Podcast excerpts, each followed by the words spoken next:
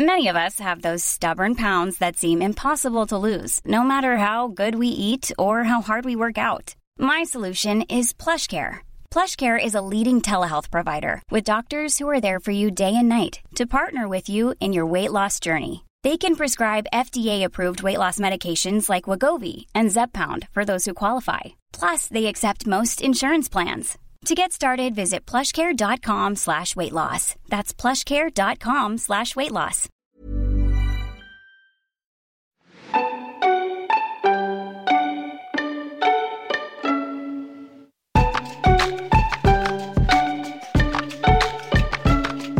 Hej och välkommen till det här korta specialavsnittet av podden Så blir du influencer med mig, Emil Norberg. Och det här är ett sånt här lite kortare avsnitt som jag kallar för utvecklingssamtalet. Och det vet ju flera av er redan nu vad det är för någonting. Men för er som inte gör det så är det alltså ett avsnitt där jag sammanfattar lite grann vad vi lärde oss i förra veckan, berättar hur jag själv har använt mig av de tipsen som jag fick i förra avsnittet och slutligen då avslöjar hur det har gått för mig i veckan. Alltså om jag har kommit lite närmre att bli en influencer. Och är man inte intresserad av det här så är det bara att hoppa över avsnittet och komma tillbaka på söndag istället. För då sitter jag här med Ella Grundel Snell, sociala medieexperten som har arbetat på typ alla sociala mediebyråer och nätverk som har funnits sedan den här branschen drog igång. Hon är dessutom influencer själv och har massa kloka saker att säga, framför allt om ekonomin runt influencers och vanliga misstag som influencers gör. Ja, i förra avsnittet pratade jag ju då med TikTok-polisen Filip Pelas och han hade naturligtvis väldigt mycket intressant att berätta. Bland annat pratade vi om hur han får tiden att räcka till, alltså till att jobba både som polis på heltid och att göra den här influencer-grejen. Och eh, om man får tro Filip så handlar väldigt mycket om planering och prioriteringar. Filip förklarade att han faktiskt försöker att inte konsumera sociala medier alls på sin fritid. Många som sysslar med det här, de argumenterar ju för att jo, men det är ganska bra att titta och kolla vad folk gör, vad som trendar och sådär. Men Filip menade att han tycker inte att han får så mycket av det. Istället verkar det som att han känner att man scrollar bort tid som man hade kunnat använda till att planera och förbereda sådana projekt som man själv vill genomföra, alltså producera, när man har lite mer sammanhängande ledighet. Kanske helger eller någon hel dag här och där. Och det här är ju ett ganska enkelt tips egentligen, men ganska svårt att leva efter. Jag tror dock att det kan göra väldigt stor skillnad.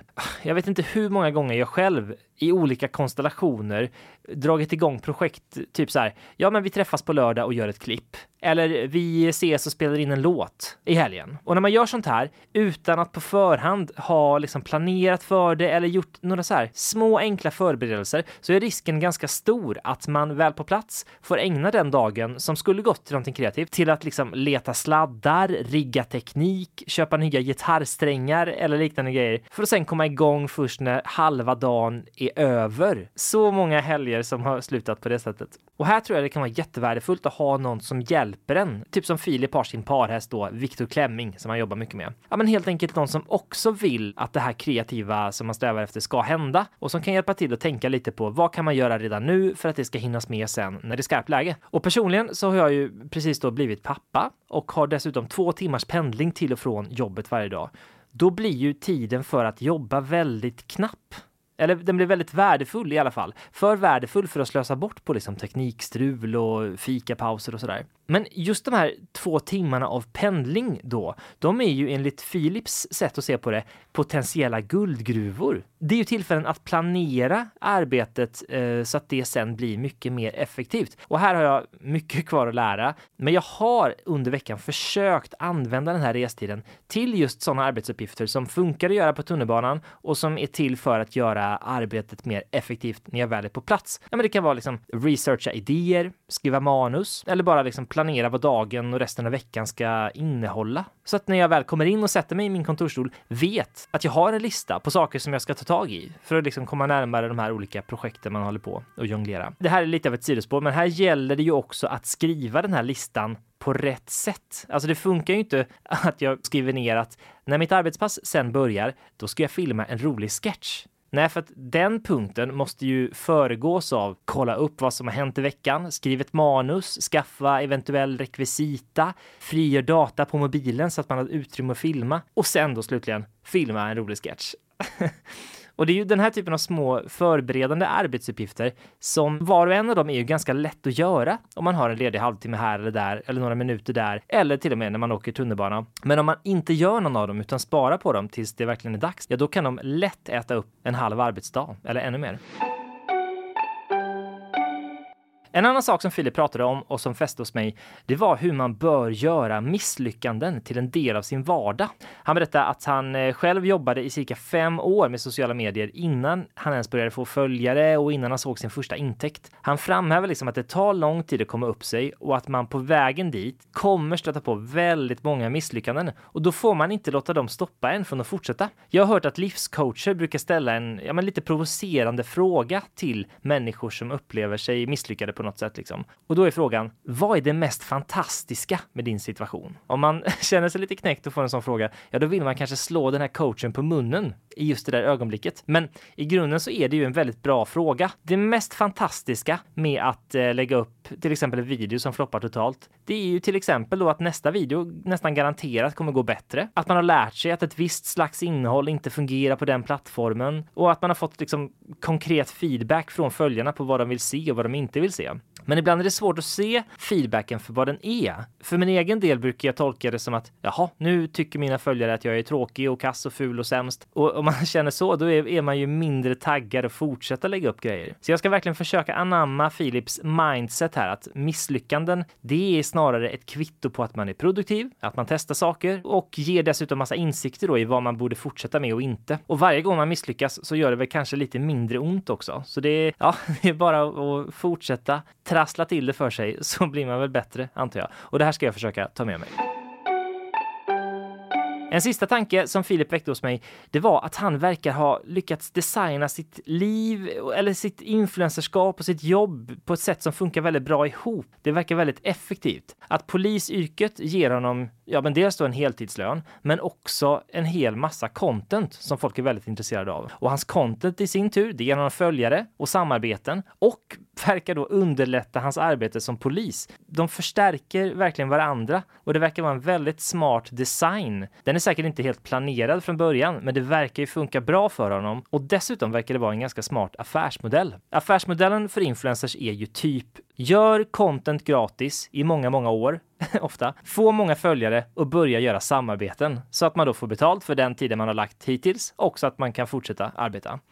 Så influencers främsta inkomst är ju att göra reklam. Och det gör att många som arbetar i branschen, inklusive jag själv, kan tendera att tacka ja till fler samarbetsförfrågningar än man kanske borde. Och i värsta fall då så gör man ju samarbeten som man ångrar sen och eh, det leder ju till att man ja, men, bryter ner det förtroendet som man har byggt upp hos sina följare. Om man till exempel gör reklam för märkliga tjänster och produkter som inte är helt okej. Okay kasino eller eh, spel eller tobak eller vad det nu kan vara. Men Filip, han känner att han inte har den pressen på sig eftersom han ju har ett heltidsjobb eh, vid sidan av, eller ja, eh, också förutom influencerskapet. Och det innebär att han kan vara lite mer selektiv när han väljer vilka samarbeten han ska göra. Och just i Filips fall så handlar det mycket om att han vill kanske uppmuntra till träning och hälsa och kan därför välja och tacka eh, tackar ja till just sådana samarbeten och kanske nej till andra. Och sen när han då gör de här samarbetena inom träning och hälsa så betyder ju inte det att hans förtroende minskar. Snarare framstår han kanske som mer trovärdig och auktoritär på området träning och hälsa eftersom han liksom, han lever ju det livet och när han då väl gör reklam för en sån sak så känns det väldigt äkta. Jag vet inte, jag blir väldigt inspirerad av det här upplägget som Filip kanske då har råkat skapa. Alltså, det är ju absolut inte så att det är något självspelande piano. Jag ser ju att han måste jobba väldigt hårt, men jag tolkar det ändå som att han har lyckats designa en tillvaro där de olika delarna liksom förstärker varandra och hjälps åt. För min egen del så känns det nästan som att de olika delarna i livet inkräktar på varandra. Alltså jag måste skynda hem från jobbet för att hinna vara med min bebis medan han är vaken. Eller jag vill ju också det, men jag måste skynda.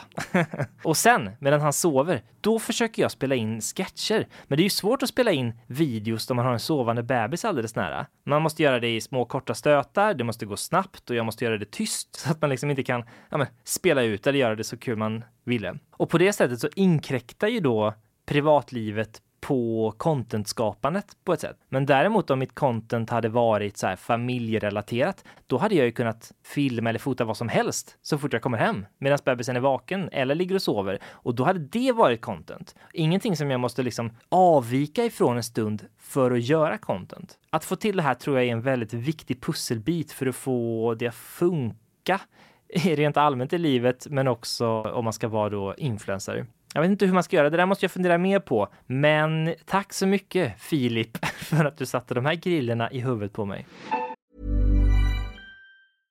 Hiring for your small business? If you're not looking for professionals on LinkedIn, you're looking in the wrong place. That's like looking for your car keys in a fish tank. LinkedIn helps you hire professionals you can't find anywhere else, even those who aren't actively searching for a new job but might be open to the perfect role. In a given month, over 70% of LinkedIn users don't even visit other leading job sites. So start looking in the right place. With LinkedIn, you can hire professionals like a professional. Post your free job on linkedin.com slash people today. Everyone knows therapy is great for solving problems. But getting therapy has its own problems too. Like finding the right therapist, fitting into their schedule, and of course, the cost. Well, BetterHelp can solve those problems. It's totally online and built around your schedule. It's surprisingly affordable too. Connect with a credentialed therapist by phone, video, or online chat, all from the comfort of your home. Visit betterhelp.com to learn more and save 10% on your first month. That's BetterHelp H E L P.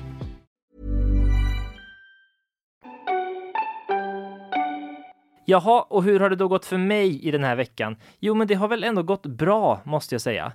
Eh, som sagt, trots att jag har mindre tid än jag någonsin har haft så har jag den senaste veckan lyckats producera mer än vad jag brukar någonsin skulle jag nästan gissa. Alltså när jag spelar in det här så är det fem dagar efter att förra avsnittet av podden släpptes och sedan dess har jag släppt två stycken Youtube-klipp, två stycken poddavsnitt, tre stycken TikTok-sketcher, fyra Instagram Reels-sketcher och elva stories på Instagram. Det är väldigt mycket. man blir lite trött, men det har ändå gått bra får man säga. Jag gjorde till exempel en Halloween-sketch som har gått fruktansvärt bra på TikTok. Just nu har den 915 000 visningar efter att ha legat uppe i ungefär tre dagar. Och den här videon har också lett till att jag fått många fler följare på TikTok och det är kul. När jag släppte första avsnittet av den här podden i september så hade jag 8400 följare på TikTok. Idag har jag över 11 000, så det är inte så illa på två månader. På Instagram däremot går det väldigt trögt. Följarantalet står helt stilla. Sen första avsnittet av den här podden har jag fått 400 nya följare ungefär, men förlorat 350 gamla. Så det blir helt enkelt som nya personer som följer. Och om man då ska ha Philips positiva perspektiv så väljer jag att se det som någonting positivt och tänker att ja, men de här gamla följarna, de kanske började följa mig när jag gjorde någonting annat. De är inte intresserade av det jag vill göra nu för tiden. Medan de nya följarna då, de är ju det. Och eh, dessutom är de kanske lite mer aktiva. Och, så att jag tror att även om följarantalet står still så är det ju bättre följare nu. Blö. Nu ska jag sluta prata och eh, sätta mig och fundera lite på hur jag ska designa mitt eget liv. Det är märkligt att det krävs en TikTok-polis för att komma på det. Om ni lyssnare har några frågor eller funderingar som ni vill ställa till mig, eller till mina gäster för den delen, så skriv det till mig överallt på sociala medier. Jag heter Emil Norbergs på alla plattformar. Tack så mycket för att ni har lyssnat. I nästa avsnitt träffar jag Ella Grundell, sociala medieexperten som har arbetat på typ alla sociala mediebyråer och nätverk sedan den här branschen började. Hon har flera otroligt spännande insikter att dela med sig av, så lyssna då.